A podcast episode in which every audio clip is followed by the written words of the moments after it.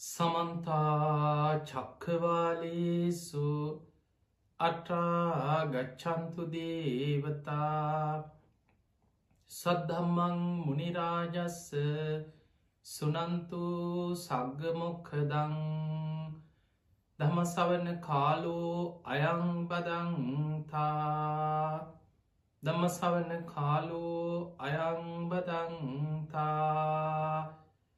තමසවන කාලෝ අයංබදංතා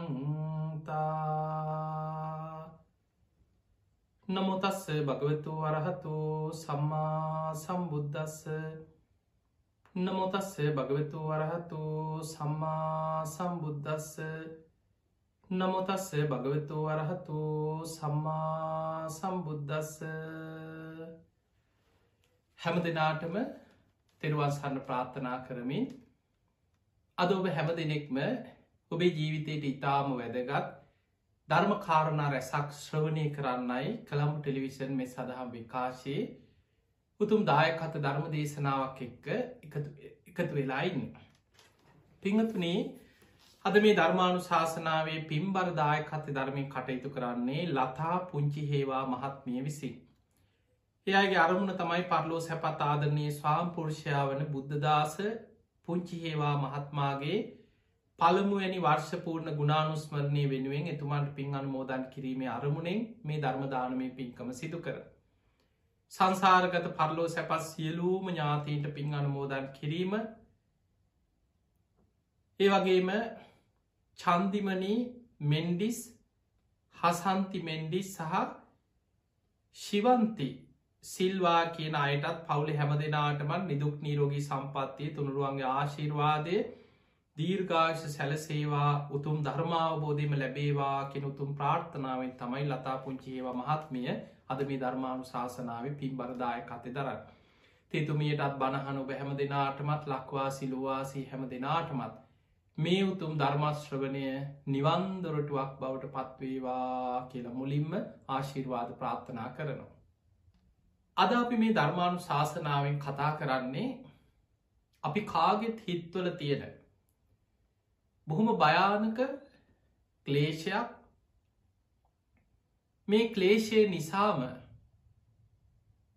නොයෙක් අකුසල්වල පැටලිලා පැටලිලා කිසිම සැනසීමක් නැතුව ජීවිතේ විශාල් අකුසල් පුරෝගෙන බොහෝ දෙනෙ කපායගාමී වෙනවා. අන්නේ අකුසලය කොහොමද හිතෙන් යටපත් කරගන්න. අපි කොහොමද අපේ හිතේ පවතින මේ පාපි අකුසල ධර්මයන් නුවනින් විමසලා බැහැර කරන්න. ධර්මානුකුලෝ බුදුරජාණන් වහන්සේ අපිට පෙන්නල දීලා තියෙන ප්‍රතිකර්ම මොනවද අද මේ ධර්මානු ශාසනාව තුළ අපි කතා කරනවා. තරහව කේන්තිය වෛරය පලිගැනීම මේ සිතුවිලි කෙනෙක් තුළ ඇතිවෙන්න පුළුවන් ප්‍රධාන ආකාර දෙකක්. අද අපි ආකාර දෙක ගැන බුද්ධ ශාසනයේ බුදුරජාණන් වහන්සේ කාලෙ බුද්ධ කාලින උදාහරණ ඇසුරෙන් ඔබට පෙන්නල දෙන්න උත්සාහ කරන්නේ අනවබෝධය නිසාම ඇතිවන තරහා අමනාපකම් වෛරය සහ ඊටත් එහා ඉරිසියාව නිසා කෙනෙක් තුළ උපදින තරහාව අමනාපකම සහ වෛරය. මෙන්න මේ දෙකේ තියෙන වෙනස. කෙනෙකුට හිතෙන්න්න පුළුව තරහා යනවා නම් අමනාපකම් වෛරය වේවා පලිගැනීම වේවා කොහොම ආවත් ඒක නරකයින.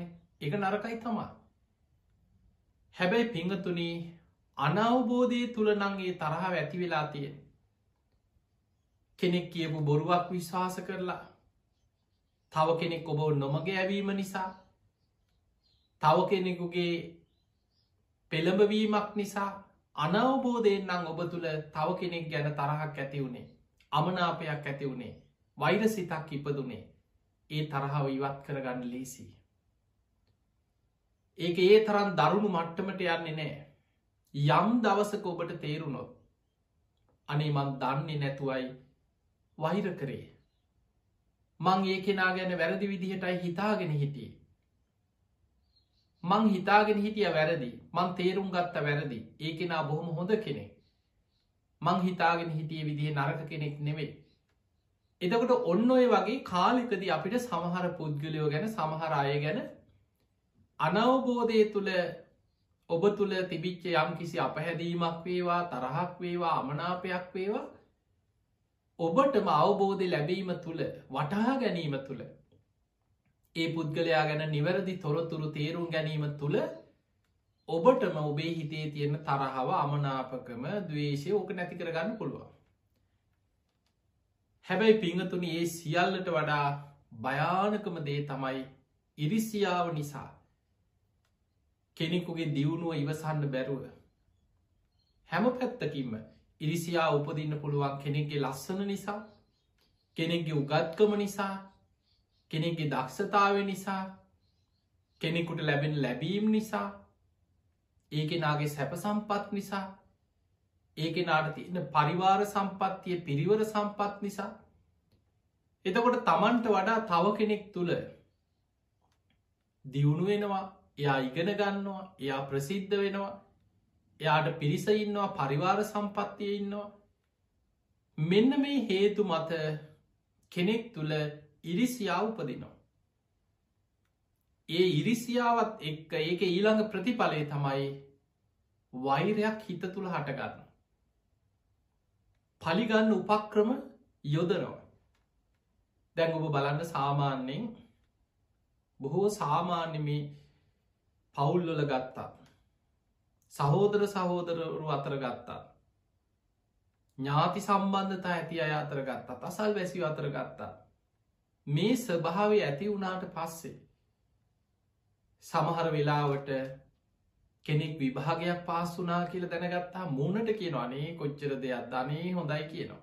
හැබැයි පුළුවන් තරගෙ කොදේවාල ගාන ගිහිල්ලා අර දරුවට ඉගෙන ගන්න බැරිවෙන්න අනාගතය කඩාකප්පල් වෙන්න හූනියන් හරි කරනවා.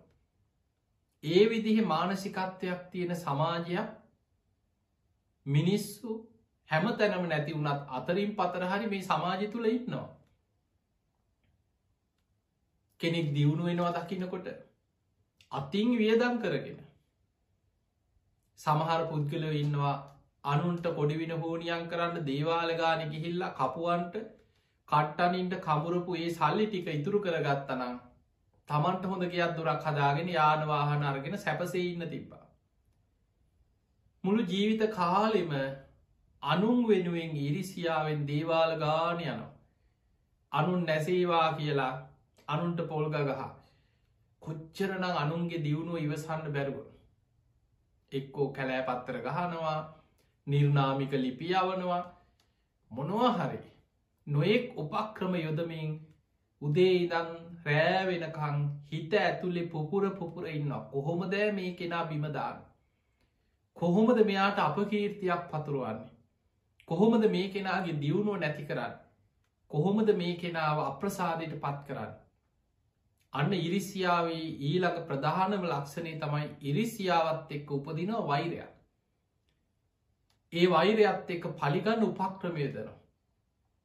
අන්නේ ස්වභාවය නැති කරගන්නවා කැන ලේසි දෙයක් නෙමේ. දැ මං ඔබට මේ ධර්ම දේශනාව පැහැදිලි කරා අනවබෝධය නිසා කෙනෙකුට තව කෙනෙක් ගැන වෛරය උපදින්න පුළුවන්. අපි බුද්ධ කාලින උදාහරණයක්කම්. ඔබ දන්නවා අජා සත්ත රජ්ජුරු. බුදුරජාණන් වහන්සේට මුල් කාලේ නොයෙක් විදිහට වෛර බැන්ද. බුදුරජාණන් වහන්සේව විනාස කරන්න උපක්‍රම පවා යෙදවා. ඔබ දන්නවා නාලාගිරි හස්තිය කාගෙද. රජ්ජුරුවන්ගේ ඇත්ගාල හිටපු හස්තිය. දරුණුම හස්තිය දේවදත්තගේ කීමට හරි ඒකට උදව් කර. රාකල පෝල හෙන්ඩුවෙන් ඇනල කුලප්පු කරලා බුදුරජාණන් වහන්සේන මග උන්වහන්සේට අනතුරක් කරන්න මේ හස්තිය ඉල්ලපු ගමන් රජ්ජුරුව දුන්නා. බුදුරජාණන් වහන්සේ මරන්න දුනු සිල්පින් එදෙව්වා. දේවදත්තගේ කීමට හරි ඒවා යෙදෙව්වේ රාජ බටයෝ රජ්ජුරුවන්ගේ දුනුවායෝ ටික දුනු සිල්පීන් ටික. එදකොට බුදුරජාණන් වහන්සේට විරුද්ධව නොඒක් විදිහ හතුරුකං කරා මුල් කාලෙ. ඒ අනවබෝධය නිසා ඉරිසියාවක් නිසා නෙමේ. අජාසත්ත රජ්ජුරුවන්ට බුදු හාමුදුරුව ගැන මේ මගේ රජකම ගනී කියලවත් මගේ රාජ්‍යල්ල ගනී කියලවත් මට වඩා බලවත් වේ කියලවත් එහෙම හැඟීම ඉරිසියාවක් ඇතිවුන්නෑ හැබැයි අනවබෝධය නිසා දේවදත්ත අජාසත්ත කුමාරයව රවට්ට ගත්තා. ඒ රවට්ට ගත්තේ මුලා කරලා. බොරු කියලා මුලා කරලා තමන් මහා බලවතෙක් බව අඟවල අජාසත්ත කුමාරයව නොමගයවල් රවට්ට ගත්තා. එතකොට නොමගයෑමේ ප්‍රතිඵලය නිසා අජාසත්ත හිතාගෙන හිටියා දේවදත්ත තමයි හරි. දේවදත්ත තමයි දක්ෂය වැඩකාරය. දේවදත්තට තමයි හැකියාව තියෙන් බුදුරජාණන් වහන්සේ වැරදි දේවදත්ත හරි කියන අනවබෝධය ඇතිගුණා අජාසත්ත රජ්ජුරුව ළඟට.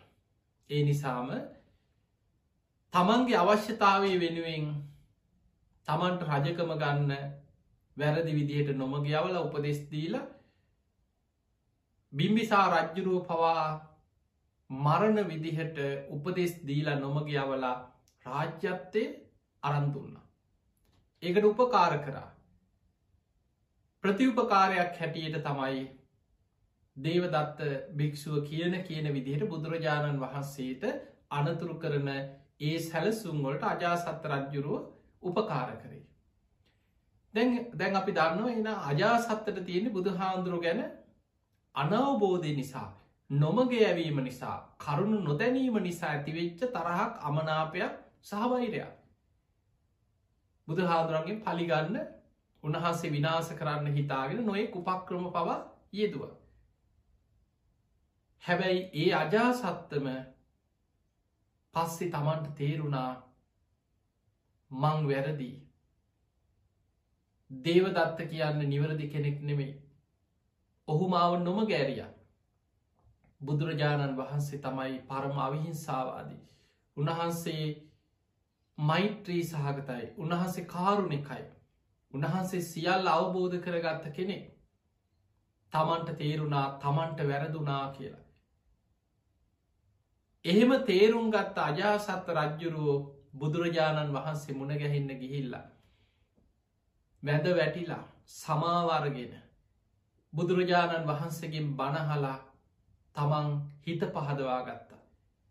එදා ඉදම් තමන්ගේ ජීවිතයේ බුදුරජාණන් වහන්සේ ගැන පුදුමාකාර සද්ධාවකින් මේ අජාසත් රජ්ජරුව කටයුතු කර. පිංහතුනි අජාසත් රජ්ජරුව මුල් කාලි බුදුහාමුදුරන්ට ද්‍රෝහිකංකරපු හතුරුකංකරපු මේ අජාසත් රජ්ජුරුවම පසු කාලීනව බුදුරජාණන් වහන්සේගේ සද්ධාව උන්වහන්සේ පිරිනිවන් පෑවකිල් ආරංචි විච්ච වෙලාවේ බහල ඇති අපේ බුදුරජාණන් වහන්සේ මල්ල රජදරුවන්ගේ උපවර්තන සාල වනෝද්‍යානි පිරිනිවන් පෑව.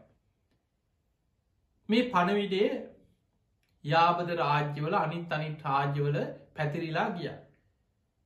අජාසත්ත රජ්ජුරුවන්ගේ මාලිගාවට පණවිඩේ ලැබුණට පස්සේ රජ්ජුරුවන්ගේ අමාත්‍යවරු රාජකය වෛද්‍යවරු රජ්ජුරුව ගැන දන්න රජ්ජුරුවන්ගේ ශරීර තියෙන ලෙඩරෝග ගැනත් දන්නවා මේ අජාසත් රජ්ජුරුවන්ට ලොකු දුකක් ඇති වුණෝ ඇගේ උස්නත්වය වැඩි වෙනවා උණුසුම වැඩි වෙනවා පපුූ පැයිල මැරෙන්න්නත් පුළුව රාජිකී වෛද්‍යවරු කියා හිටියා.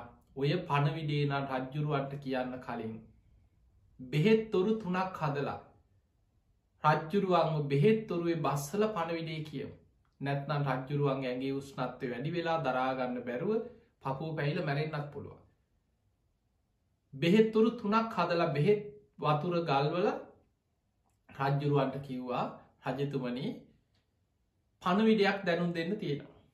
ඊට කලින් මේ රාජකය වෛද්‍යවරු බෙහෙත්තොරු තුනක් හදල තියෙනවා රජ්ජුරුවෝ ඔය රාජකයේ සලු පිළිවත් කරලා සිනිදු සලුවක් ඇඳගෙන බෙහෙත්තොරුවට කරවටක් බහින්න කියෝ. වෛද්‍යවරු කියන දේ කරන්න පැ වෛද්‍යවරු තමයි තමන්ගේ ශරීරයේ මේ සෞඛ්‍ය ආරක්ෂාව ගැන ලෙඩරෝග ගැන දන්නේ. ඒ නිසා වෛද්‍ය උපදෙසට ගරු කරපු අජාසත්ත රජ්ජුරුවෝ රාජකය සලු පිළිවත් කරලා සිනිදු සලුවක් ඇඳගෙන බෙහෙත්තොරුවට කරවටක් බැස්සා. ඊට පස්සකිව රජතුමනි අත් දෙක එකතු කළ නලලට තියාගන්න. මෙන්න මේ දිහාාවට හැරෙන්න්න කියලා බේත්තොරුව ඒ පැත්තට හැරෙව්. අමාත්‍යවරු ඇතුරු සියලු දෙනා දනගහල ඒ දිසාවට දෑත් නලලිතියාගෙන වැඳගෙන කිව්ව රජතුමනේ බුදුරජාණන් වහන්සේ මල්ල රජදරුවන්ගේ උපවර්තන සාල වනෝද්‍යානය පිරිනිවන් පෑවා කියලා. ඒ පණවිඩේ කන වැටෙනකොටම එහෙම සිහිසුන් වුණා. දරාගන්න බැරි විශාල දුකක් ඇති වුණා අනේ ශාස්තෘන් වහන්සේ බුදුරජාණන් වහන්සේ මට අනුකම්පා කරපු ඒ භාග්‍යවත් බුදුරජාණන් වහන්සේ පිරිනිවන් පාලා කෙළ එහෙම සිහි නැති වුණා. තෙල්ගාල බෙහෙත් ගල්වල ටික වෙලාවකින් සිහියාව. ඊට පස්ස රජ්ජුරුව හෝ මොකක්ද මට ඉත්ස ලකීව කියලා. රජතුමනි මේ බෙහෙත්තොරට බහින්න කියලා දෙවනි බේත්තොරටත් බැස්ව. දෙවනි වතාවත් කිව රජතුමනි බුදුරජාණන් වහන්සේ මල රජදරුවන්ගේ උපවර්තන සාල වනෝද්‍යාන පිරිනිවන් පෑවා කියලා. දෙවනිත් වතාව සිහිසුන් වුණා. බෙහෙත්තොරු තුනක බස්සල තමයි බුදුරජාණන් වහන්සේ පිරිනිවන් පෑවාගෙන පණවිඩේ පවා දැනුන්දුන්න. එතකොට ඔබ හිතන්න අර අනවබෝධය නිසා නොදැනුවත්කම නිසා නොමගයෑම නිසා වැරදි වැටහීම නිසා බුදුරජාණන් වහන්සේට අකමැතිවෙච්ච තරහෙන් හිටපු වෛරකරපු පලිගන්න පවා උපක්‍රම යොදපු අජාසත්ත රජ්ජුරු අර තරම් බුදු හාදුරු පිරිනිවන් පෑව කියනකොට දරාගන්න බැරුව සිහිසුන් වෙන තර කොච්චර සද්ධාවක් බුදු හාදුරුව ගැන අන්තිම කාලි තමන් ඇති කරගත්තද? අර වැරදි වැටහීම නැතිවීමත් එක්ක. අවසානයේ අජාසත්ත රජ්ජුරුවෝ සිහියාවට පස්සේ බුදුරජාණන් වහන්සේට බිම්බිසා රජ්ජුරු පූජාකරපු පළවෙනි ආරාමි වේලුවන උයන බුදු හාන්දුරුවමේ උයන වැඩ හිටිය ගන්ධ කුටිය ළඟට ගිහිල්ලා බිම හැපි හැපි ඔළුව බිම ගහගෙන හඬා වැලපුුණා බොහෝ වෙලාව. හනේ බුදුරජාණන් වහන්සේ මේ කුටිය වැඩ හිටිය. උන්වහන්සේ මට මේ විදියට දහම් දෙෙස්වා මට අනුකම්පා කරා. අනේ උන්වහන්සේ පිරිනිවන් පාල මන් තනි වුණා මට දැන් අනුකම්පා කරන්න කෙනෙක් නැති වෙනවා කියලා රජ්ජුරුව හඬා වැලපුුණා. හවස් වෙනකොට හිත හදාගත්ත මං දැන් ඇඩුව කියලා බුදුරජාණන් වහන්සේ ආයමත් උන්වහන්සේ මට දකින්න ලැබෙන්නේ. හැබැයි බුදුරජාණන් වහන්සේගේ ආදාහනෙන් පසු ශ්‍රී ශරීරයම් දහතුන් වහන්සේලා ඉතිරි වෙද්ද. ඒ උතුම් ධාතුන් වහන්සේලාගෙන් භාගයක්ම මම අයිති කරගන්නවා. ඒ ධාතුන් වහන්සේලා මේ මගේ රාජ්‍ය තුළ චෛත්‍ය ඉදි කරලා ජීවමාන බුදුහාදුරන්ට වගේ මං ධාතුන් වහන්සේලට පුද පූජා කරනවා කියලා සේනාවත් අරගෙන කුසිනාරාවට රජ්ජුරුව පිටත් වනා ධාතුන් වහන්සේලා භාගයක් ඉල්ලගන්නවා කියල. වහලති නෝ එවිදිහට ආපු තව තව රජවරු හැමෝම භාගේ භාගේ තම ඉල්ලුවි සේනාවත් අරගෙනාවේ දුන්න ඇත්න යුද්ධ කරනවා කිය. අවසානදා ද්‍රෝණ බමුණ මැදිහත් වෙලා මේ සියලු දෙනා සමගි කරවල ධාතුන් වහන්සේලා තමන් ළඟ තිබිච්ච රන් නැලියෙන් රත්තරම් භාජනයෙන් බෙදලවෙන් කරලා ද්‍රෝණය ද්‍රෝණය බැගින් බුදුරජාණන් වහන්සේගේ බුදු සිරුරේ සියලූම ධාතුන් වහන්සේලා කොටස් අටකට බෙදර රජවරු අට දෙනෙකුට පැවරුණ. ඒ එක කොටසක් අජාසත්ත රජ්ජුරුවන්ට ධාතුන් වහන්සේලා ද්‍රෝණයක් ලැබෙන. පිංහතුනි අපේ ධර්ම ග්‍රන්ථවල අටුවා ග්‍රන්ථවල සඳහන් වෙනවා දහතුන් වහන්සේලා බෙදුවට පස්සේ. අජාසත්ත රජ්ජිරුව තමට ලැබිච්ච ධාතුන් වහන්සේලා ද්‍රෝණය අරගෙන රජගහනුවරට යන ගමන ගැන හරිම පුදුමයි. මේ රජ්ජුරුවන්ගේ සද්ධහා. රජ්ජුරුව රථයක් සරසල පෙරහැරේ මේ ධාතුන් වහන්සේලා තැම්පත් කරඩුව තැම්පත් කරගෙන පුද්දුම සද්ධාවෙන් බොහෝම හිමින් යනෝ ධාතුන් වහන්සේලා වඩම්මගෙන යන ගමන් ටික දුරක් ගිහිල්ලා ඒ ප්‍රදේශයම තියෙන මල් හොයාගෙන ඇවිල්ලා අර ධාතුන් වහන්සේලට පූජා කරනවා. බුදුන් ඇඳල බෝම සද්ධාවෙන් ඊළඟ ටික දුරක් යන. කොහොම යනකොට සක්‍ර දෙවියන් දකිනවා රජ්ජුරුව මේ ගමන බොහෝම හිමින් යන්න. තමන්ගේ රාජ්‍යයට යාගන්න මාසගානක් ගතවී ඔය විදිහට ගියෝ. එහෙම වුණොත් රජ්ජුරුව නැති රාජ්‍ය අරාජික වෙලා යම් යම් කැරලි කෝලහල් පවා ඇතිවෙන්න පුළුවන් රජ්ජුරුවන්ගේ රාජ්‍ය තුළ. ඒ වෙලාවේ මහා කාශ්‍යප මහරහතන් වහන්සේ ඉදිරී සක්‍ර දෙවියන් පෙනී ඉඳලා මහා කාශිප මහරහතන් වහන්සේට කියනවා ස්වාමීනී මේ ලෝකයේ පෘතජ්ජනයන් අතර අජාසත්ත රජතුමා තරං සද්ධාවන්ත රජෙක් දෙවියන් දිවසිංවත් දකින්න නෑ කිය. ඒ නිසා ස්වාමීනී රජ්ජුරුවන්ව ඔබහන්සේ කියන්න ධාතුන් වහන්සේලාට උපට්‍රවයක් ඇතිවෙන්න පුළුව එහෙම නැත්තම් රජ්ජුරු යන්න. රාජ්‍ය අරාජික වෙනවා කිව්වත් ඊට වඩා ධාතුන් වහන්සේලා ගැන සද්ධාව නිසා ඕන දෙයක් වෙච්ච දෙන් කියලා. රජ්ජුරු ඔය විදිහටම බොහෝම හිමින් මල් පූජ කර කරුවේ ගමනයයි. සාමිනි උපහන්සේ රජ්ජුරුවන්ගේ ගමන ඉක්මං කරවන්න. මොකද බුදුරජාණන් වහන්සේ පිරිනිවන් පාල මාස තුනක් ගිය තැන ප්‍රථම ධර්ම සංගායනාව පවා රජගහනුව රජා සත්ත රජ්ජුරුවන්ගේ අනුග්‍රහයෙන් තමයි සංවිධානය වුණේ. මහාකාශව මහරහතන් වහන්සේ අජා සත රජ්ජුරු දැනුවත් කරලා ගමන ඉක්මන් කෙරෙව.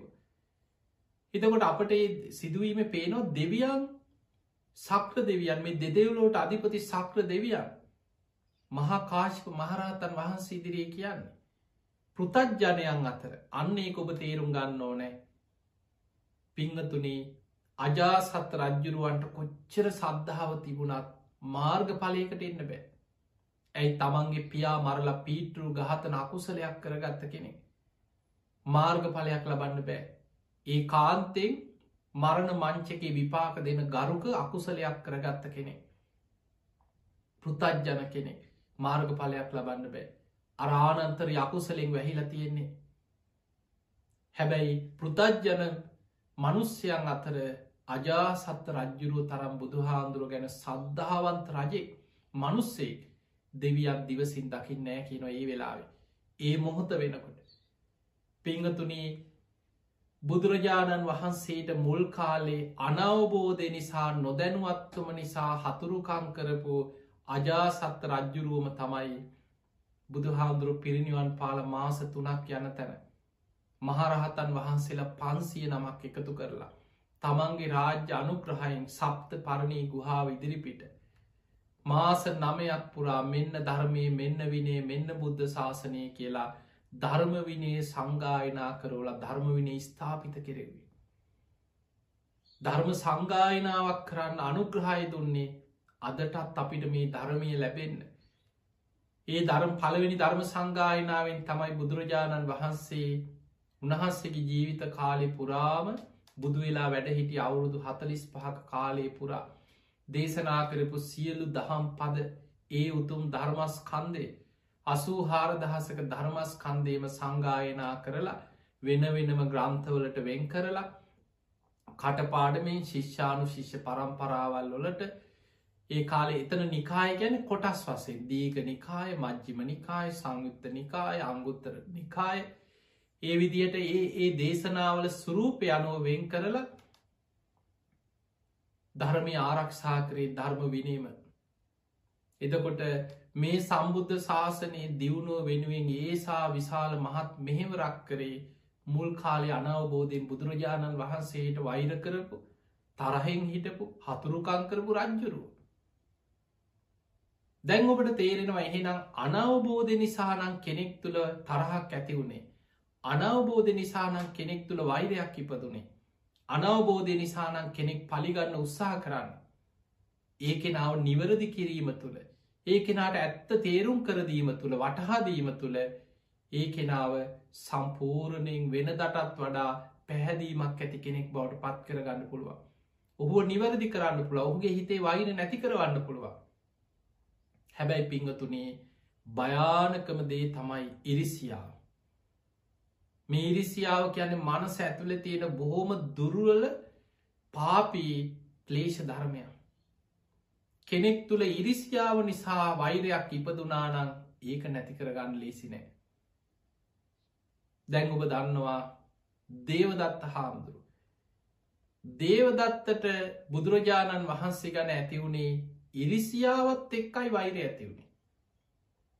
බුදුරජාණන් වහන්සේට ලැබෙන ලාභ සත්කාර කීර්ති ප්‍රසංසා රජවරු සිටුවරු රාජරාජ මහාමාත්‍යවරු උන්වහන්සේට ගෞරව කරනවා වෙහෙර විහාර සකස් කර කර පූජා කරනවා මහා සංඝයා පිරිවරාගෙන බුදුරජාණන් වහන්සේ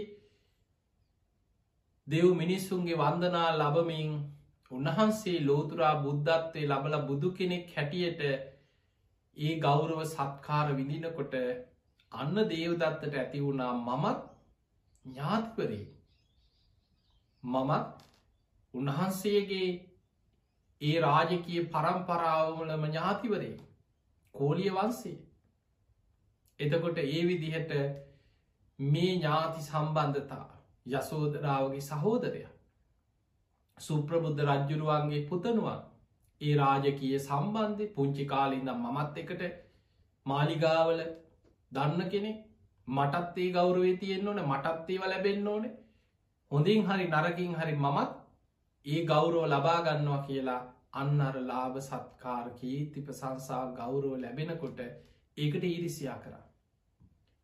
ඉරිසියාව ප්‍රතිඵලය තමයි ඊළඟට ආවේ පලිගන්න නැති කරන්න විනාස කරන්න. පිංහතුනි කෙනෙක් තුළ තව කෙනෙක් ගැන ඉරිසියාවක් උපදිනවා කියලා කියන්නේ ඒ ඉරිසියාව තුළින් ඊළඟට උපදින්නේ ඒ පුද්ගලයාගේ විනාස හිත ඇතුළෙන් ප්‍රාර්ථනා කරන. ඒ පුද්ගලයාගේ දුක ඒ පුද්ගලයාගේ විනාසේ කැමති වෙනවා දකින්න. ඒක සිද්ධ නොවෙනකොට තමන් ඒකට උපක්‍රම යොදනවා. එක සැලසුම් කරනවා. දැම් පිංහතුනි සාමාන්‍යයෙන් මේ මනුස්ස හිත්වල තියෙන පහත් ස්භාවය. ඔබම ඔබදිහා බලන්න. මේ වගේ පාපී සිතුවිලි අපේ හිත්වලත් ඇතිවෙනවා නේද කියලා තමන් තමන්ගේ හිත දිහා බලලා හිතට ගරහා කරන්න. එවැනි සිතුවිලි හිත තුළ උපදිනකොට තමන්ගේ හිතටම තමන් ගරහා කරන්න ඒ පාපී සිත පව්කාර හිත නුබ හදන්නේ මාව අපා ඇතගෙන යන්නද. නුඹ හදන්නේ මාව තිරිසන් ලෝකෙට ප්‍රේත ලෝකෙට ඇදල දාන්නද මොන තරම් පහත් සිතුවිලිද මේ හිතෙන් උපදින්න කියලා හතුරයින්න පිට නෙමේ බොහෝ වෙලාවට අපි තරහකාරය හතුර මෙන්න මෙයා අරයා එයා කියලා බාහිරට ප්‍රශ්නිදාන්නේ හේතුව තියෙන තමන්ගේ හිත ඇතුළේ බාහිර නෙමේ හතුරා ඉන්න ඇත්තටම තමන්ගේ හිත ඇතුළේ මේ ලෝබ දවේශ මෝහ කියන ක්ලේෂ ධර්මයක් මේ හිත ඇතුළේ තියෙන මේ කැකෑරි කැකෑරි තියෙන මේ පාපි අකුසල් ක්ලේෂ ධර්මයන් තමයි ඔබ විනාසේ කරාරගෙන යන එක මහතුරා ඔබ හොඳට හිතන්න. මේ දීර්ඝ සංසාර ගමන ඔබ නිරේ වැටුනා නම් ඔබේ හිතේම තිබිච්ච පාපි අකුසල් නිසයි ඔබ නිරේට ඇදගෙනගේ මේ දීර්ඝ සංසාර ගමන කොච්චර තිරිසල් ලෝකොල ඉපදිලා දුක්විද විදාපු ගමනක්ද? ඔබේම හිත ඇතුළ තියෙන පාපි යකුසල් ඔබෝ තිරිසන් ලෝකට ඇදගෙනගිය. මේ දීර්ඝ සංසාර ගමන කොච්චර ප්‍රේත ලෝකෝල දුක්විද විද සෙම් සොටු මළමුට්‍ර ආහාර කර කර කොච්චර දුක්විද විද ඇවිල්ල ඇත්ත.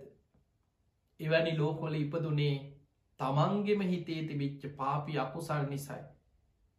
ඒ නිසා මේ යන සංසාර ගමන ඔබව දුකට ඇදලදාන්නේ බාහිර කෙනෙක් නෙමේ ඔබේ හිත ඇතුළි හටගන්න මේ ලෝබ දවේශ මෝහාදී පාපි අකුසල ධර්මය.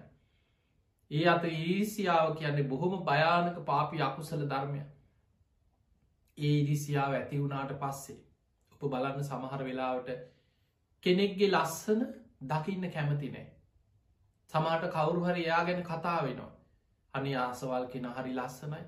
හිත ඇතුළින් කේන්ති අනයාගේ මහල්කු ලස්සන කියලා අන්නේ විදියට හිත ඇතුළෙන් උපදිනවා ඒක අහන්නවත් කැමතිනේ කවුරු හරි කියනවා අන්න අරසවල් කෙන යා දැන් හරි දියුණුයි. සමහර වෙලාවට යා ගැන දන්නෙත් නෑ. පාර යනකොට කෙනෙක් ලස්සනට ගයක් හදාගෙන හොඳ යානවාහනවල යනවන බලන්න මිනිස්සුන්ගේ පාපී සිතුවිලේ. අපරාධ කරලා හොරකං කරලා කාටද දියුණු වෙන්න බැරි? අපි නං ඔය පවකාර වැඩ කරන්න කන්න නැති වුණ. ඔන්න ඔය විදිහට අර මිනිස්සු ගැන දන්නෙත් නෑ. නමුත් ඒ මිනිස්සු අපරාධකාරය හොරු වංචනිකයෝ. සමහරලාවට කෙනෙක් ලස්සනට ඇදල පැළඳලා ඉන්නකොට ඒ මනුස්සයා හොරෙක් වංචනිකයෙක් හැටියට දන්නෙත් නැතුව සමාජ පතුරුවන. එතකොට මේ ස්වභාවය මනසේ ඇතිවෙන්නෙම මේ පාපී සිතුවිලි නිසාමයි. ඔබ බොහෝ වෙලාවට මේ අපි ජීවත්වෙන සමාජයේ මිනිස්සු එක කතා බහ කරලා බලන්න. කාගෙවත් ගුණයක් දකින්න කැමති නැති. කෙනෙක්ගේ හොඳක් කියනවා අහන්න කැමති නැති. හැම කෙනාටම බැඩ බැනා දොස් කිය කිය නින්දා කර කර අපහස කර කර අනුන් නැසේවා කිය කියම ජීවත්වෙන පෞකාර මිනිස්සු කොච්චර මේ සමාජය ඉන්නාද. ඒ නිසා මතක තියාගන්න මේ හිත ඇතුළේ මහා පාපී සිතුවිලි උපදිනවා. ඒ පාපී සිතුවිලි වලින් අනිත් කෙනාගේ විනාසේ ප්‍රාර්ථනා කරනවා ඉරිසියාව නිසා. හැබැයි එහෙම නොවෙනකොට ඒ වෙනුවෙන් උපක්‍රම යොදනවා. සැලසුම් හදනවා. එක්ක කතාවක් පතුරුවල බලනවා. එහෙම නැත්නම් මොනොහරි උපක්‍රමයක් වෙතනවා. හැංගිලා කරන්න පුළුවන් නොයෙක් දේවල් පුළුවන් තරන් දේවල් තමන් අහු නොවෙන විදිහට කරලා තමන් නෙමෙයි වගේ ඉන්න උත්සාහ කරන මේක තමයි මේ හිතේ තියෙන පාපී ස්භාවේ ලක්සර දැම් බලන්න දේවදත්තට බුදුරජාණන් වහන්සේ ගැන තිබුණේ ඉරිසියාව. ඒ ඉරිසියාව නිසා කොච්චර ගුණ දැක්කත් ගුණයට පහදින්නේ. තමන්ට තේරුණත් තමන් වැරදිී කියලා ඒක දකින්න දකින්න ඉරිසියාකාරයට පලිගන්න සිතුවිල්ල තව තවත් බලවත්වෙන. දැන් ඔබ හිතන්න දේවදත්ත දන්නේ නැද්ද බුදුරජාණන් වහන්සේ ඉරදි ප්‍රාතිහාර පාන්න පුළුවන් මහා ගුණ ඇති කෙනෙක් කියල දන්නවා. උන්වහන්සේ කොච්චර යමා මහ පෙළහර පෑවද කී වතාවක්ද. සාක්‍ය ජනපදයටම වැඩම කරපු වෙලාවේ. සාක්‍ය කෝලිය වන්සිකයන් ඉදිරී දේවදත්තත් ඉන්න ඇතින එතන. මාන්‍ය දුරු කරන්න නීග්‍රෝධාරාම භූමියයේ බුදුරජාණන් වහන්සේ අහසේ බුදු කෙනෙකුට පමණක් කළ හැකි පෙළහර පෑම් යමා මහ පෙළහර පෑම සිදු කරා. එවෙලේ තමයි සුද්දෝද රජතුමා සාධු කාරදිදී බිම වැතිරිලා වන්දනා කළ බුදුන් සරණයන්. බුදුරජාණන් වහන්සේ තමන්ගේ ඥාති පරපුර ඉදිරී සියලු දෙනා ඉදිරී යමා මහ පෙළහර පෑව. බුදුවෙලා පළවෙනි අවුරුද්ධ අවසානය කපිලවස්තුපුරයට සාකි ජනපදයට වැඩම කරපු ගමනි. දැන් දේවදත්ත මේවා දැකළ පැහැදුනාද. ඉරිසියාකාරයා ඒවත් දකින්න දකින්න ඉරිසියාව බලවත්වෙන. ඊළඟට බුදුරජාණන් වහන්සේ අහසින් වඩිනවා දිවියන් ඇවිල්ල බුදු හාන්දුරු සමඟ කතාබස් කරනවා බුදුරජාණන් වහන්සේකින් බණහල බොහෝ පිරිස ධර්මය අවබෝධ කරනවා ඒව ඇහුව කියලා ඉරිසියාකාරයට අනේ කොච්චර දෙයක් ධනේ හොඳයි එහෙම හිතෙන්නේ ඒවා දකින්න දකින්න ඉරිසියාව තවතවත් වැඩි වෙන. කොහොම හරි නැති කරන්නට කොහොම හරි පලිගන්නවා කොහොම හරි ලැජ්ජ කරවන්නන කොහොම හරි අප්‍රසා එහෙම්මම එනවා. ඇයි ඉරිසියාව ඒ සියල්ලට වඩා බලවත්? දැන් බලන්න බුදුරජාණන් සංගබේදය කර. ඊළඟට අජාසත් රජ්ජුරුවන්ගේ දුනු සිල්පීන් යොතොල බුදුරජාණන් වහන්සේ මරන්න සැලසුම් කර තැන් ඔබ හිතන්න මේ ගැන විනේ පිටක තියෙනවා දුනුවාය තිස්හයි දෙනෙක් ඉල්ලගෙන. බොහෝම දීර්ග සැලැස්මක්. වෙන වෙනම ඒ අය රදවලා එක එක්කෙන අතර අදහස් හෝමාරු නොවෙන විදිහට බොහෝම සූක්ෂම සැලැස්මක් ඇතුව තිස් හය දෙනෙක් යොදාගත්ත බුදුරජාණන් වහන්සේව විස කවපු ඊතලයකින් විදල උන්වහන්සේව ඝාතනය කරන්න හදපු සැලැස්මට. විදින්න එක්කෙනයි. හැබැයි මේ රහස හෙළි නොවෙන විදිහට විදපු කෙනා ආපහු එනකොට එයා මරන්න වෙන පාරකින් දෙන්නෙක් එදෙව්වා ඒ දෙන්න ආපහු එනකොට ඒ දෙන්න මරන්න හතර දෙනෙක් එදෙව්වා ඒ හතර දෙනා මරන්න අට දෙනෙක් එදෙව් අට දෙනා මරන්න දාසයක් යොදාගත්තා. අන්තිමටම දාසේ දෙනෙක් ඉතුරු වෙනවා. මේ වැඩේ හරියටම වුණොත් පහුදා අජා සත රජ්ජුරූ ලවා මේ දාසේ දෙෙන උලතිීල මරෝණවා කියලා ඔය විදිහට තමයි දක්ෂම දුනු සිල්පීන් තිස්හයි දෙනෙක් යොදාගෙන බුදුරජාණන් වහන්සේව විසකවපු ඊතලයකින් විදලා උන්වහන්සේගේ ජීවිතය නැති කරන්න දේවදත්ත සැලසුම් හැදුවේ. සැලසුම අවසන් වෙනකොට අර යුදාගත් අයත් ඔක්කොම් මරන්න තමයි සැලසුම් කරේ සාක්‍යයක්කත් ඉතුරු නොවෙන්. නමුත් සිද්ධ වනේ නොසිතපු දෙයක්. බුදුරජාණන් වහන්සේ මරන්න කියලා හිතාගෙන යවපු රාජ බටයා බුදුරජාණන් වහන්සේකින් බණහල සෝවාන් වුණ. ඊළඟට ඒ රාජබටය මරන්න කියලා යොදෝපු අනිත් දෙන්න ඒ දෙන්න මරන්න යොදෝපු හතර දෙෙන ඔය ඔය සියලු දෙනාම අර තිස්හය දෙනාම බුදුරජාණන් වහන්සේ ඉදිරියේ බණහලා ඒ හැමෝම ධර්මය අවබෝධ කරගත්තා. දැන් ඔය වගේ වෙලාක දැන් හිතන්න මියයි රාජබටය රජ්ජුරුත් අන කරලා. දක්ෂම පිරිසක් මෙහෙවුමකට යෙදවී.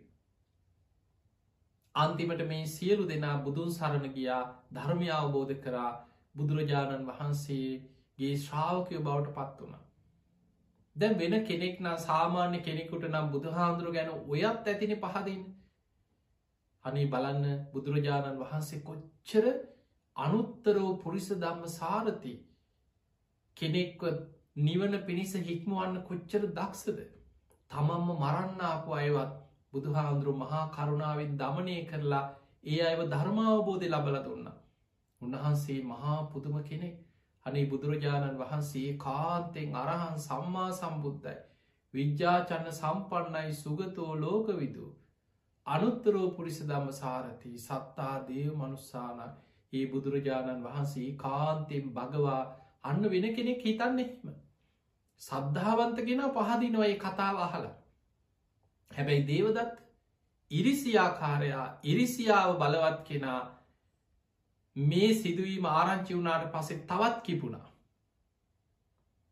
කිපිල කල්පනා කරා මේ මිනිස්සේදෝ ලහරි යන්න මේ අය එක්කෙනෙක්කත් මට ඕනද වැඩේ කරන්නේ ගිහිල්ල බුදුන් සරණ යන මේක නම් මනුස්සෙක්ක දෝල කරන්න බෑ ඊට පස්සේ වෙන විදිහ සැලසුමක් කල්පනා කරා.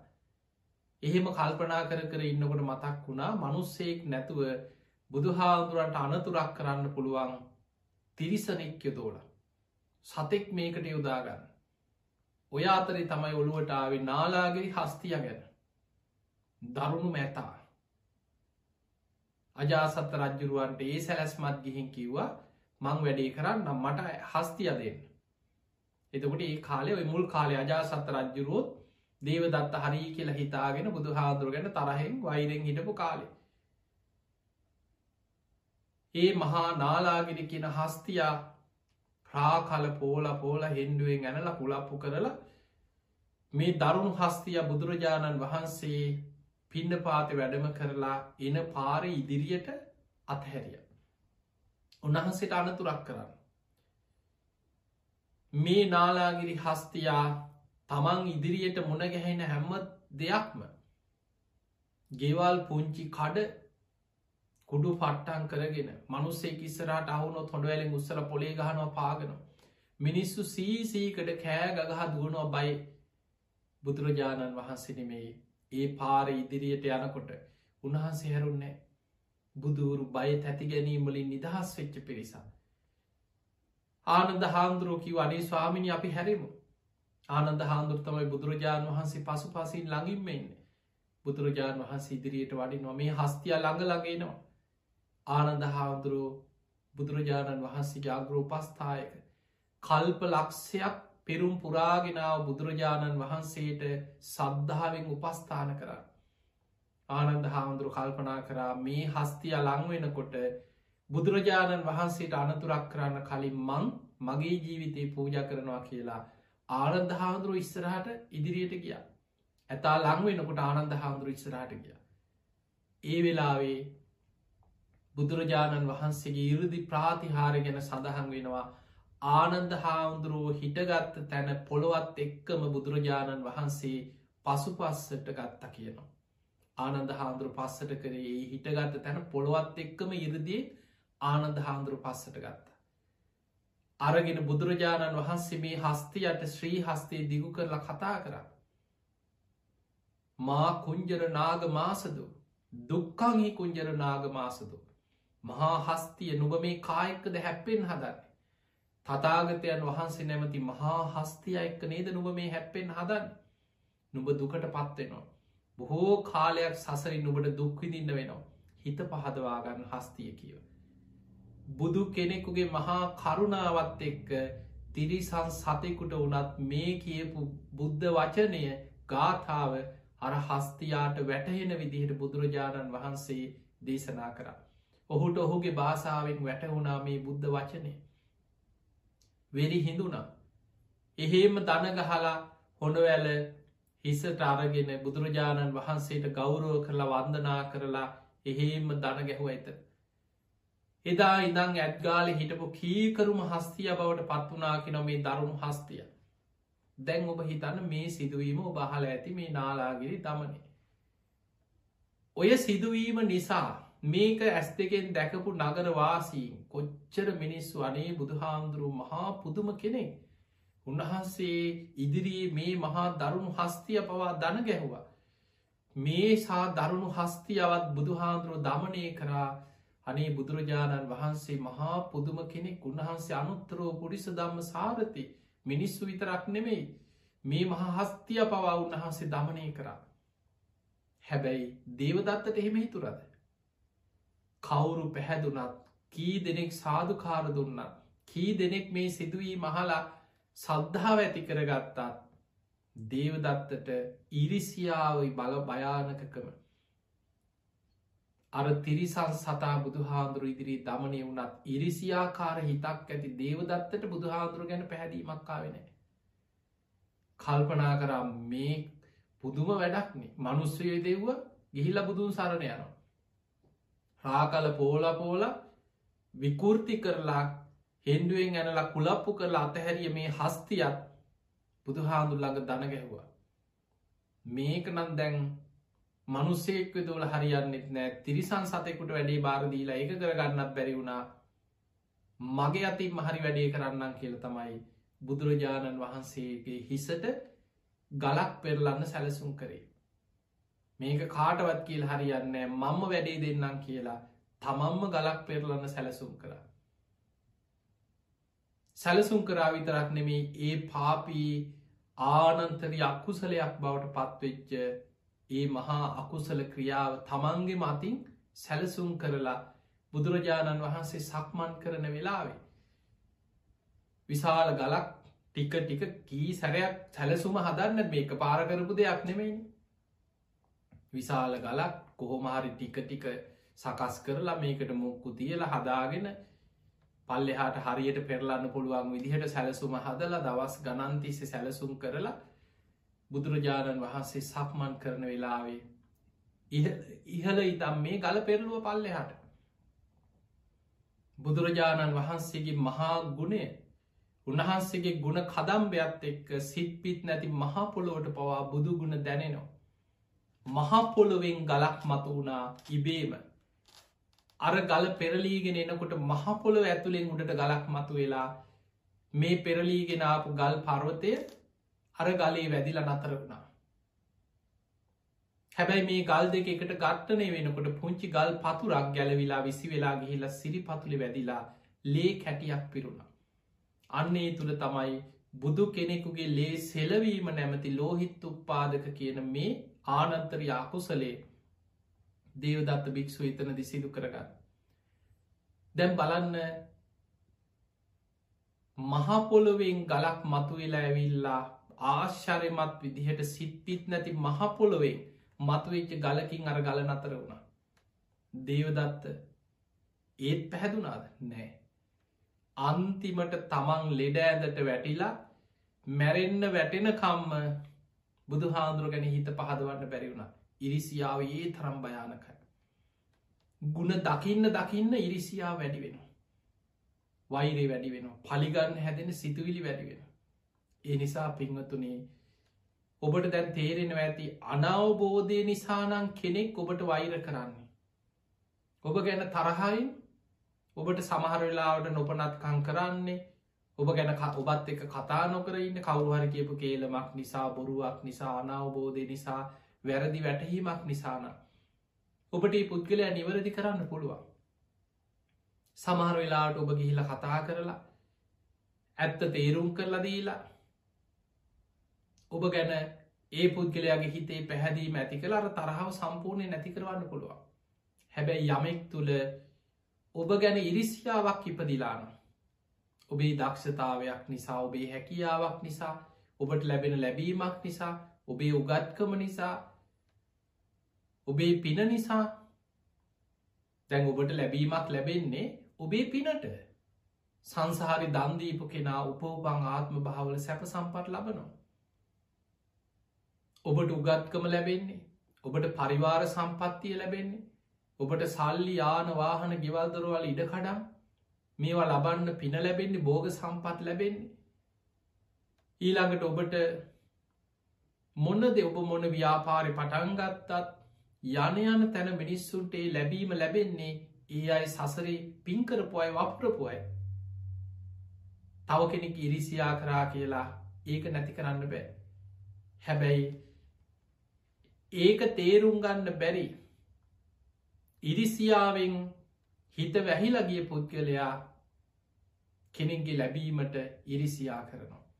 කෙනෙගේ දියුණුවට ඉරිසියා කරනවා කෙනෙගේ උගත්කමට ඉරිසියා කරන කෙනෙගේ ලස්සනට ඉරිසියා කරනවා. කෙනෙකුගේ පරිවාර සම්පත්තියට ඉරිසියා කරන. ඒ ඉරිසියාවත් එක්ක නොඒක් විදිහට මුළු ජීවිත කාලිම පලිගන්න සැලසුම් හදනවා කුමන්ට්‍රණ කරනවා නොඒ උපක්‍රමේදන මුළු ජීවිත කාලිමෝක තමයි. සමහරුන්ට මැරෙන්න්න වැටෙනකං තේරුම් ගන්න බැරි වෙනවා. දේවදත්තට අන්තිම වෙලා ලෙඩ ඇදේ උනුලේ වමන යනවා. හන්තිමට සේවකයන්ට කිව් අනේ මත් බුදු හාදුර ළඟට මා උත්සගෙන පලයල්ලා කියෝ.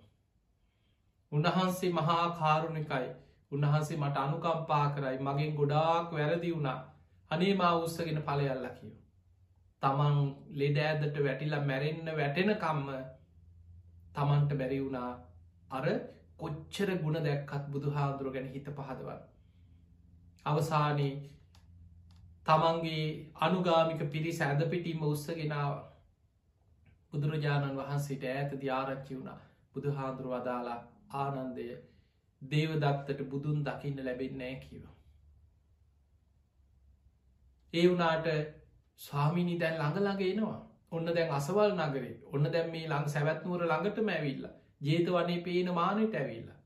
ඔහොම පණවිඩේ දැන් ලංවෙන්න ලංවෙන්න බුදු හාදුර ළඟට පණවිඩේනවා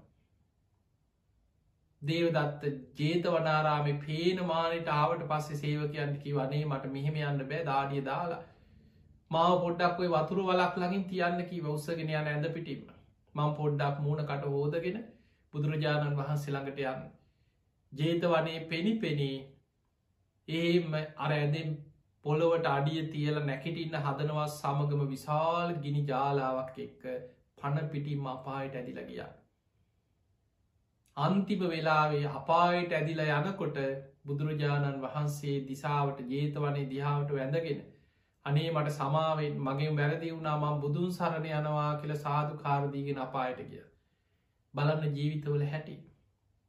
ඒ නිසා පිංගත්තුනේ ඔබ ඔබේ හිතේ තියෙන මේ පාපී සිතුවිලි දිහා බලන්න හතුරයින්න පිටන මේ තමන්ගේ හිත ඇතුළෙමයි.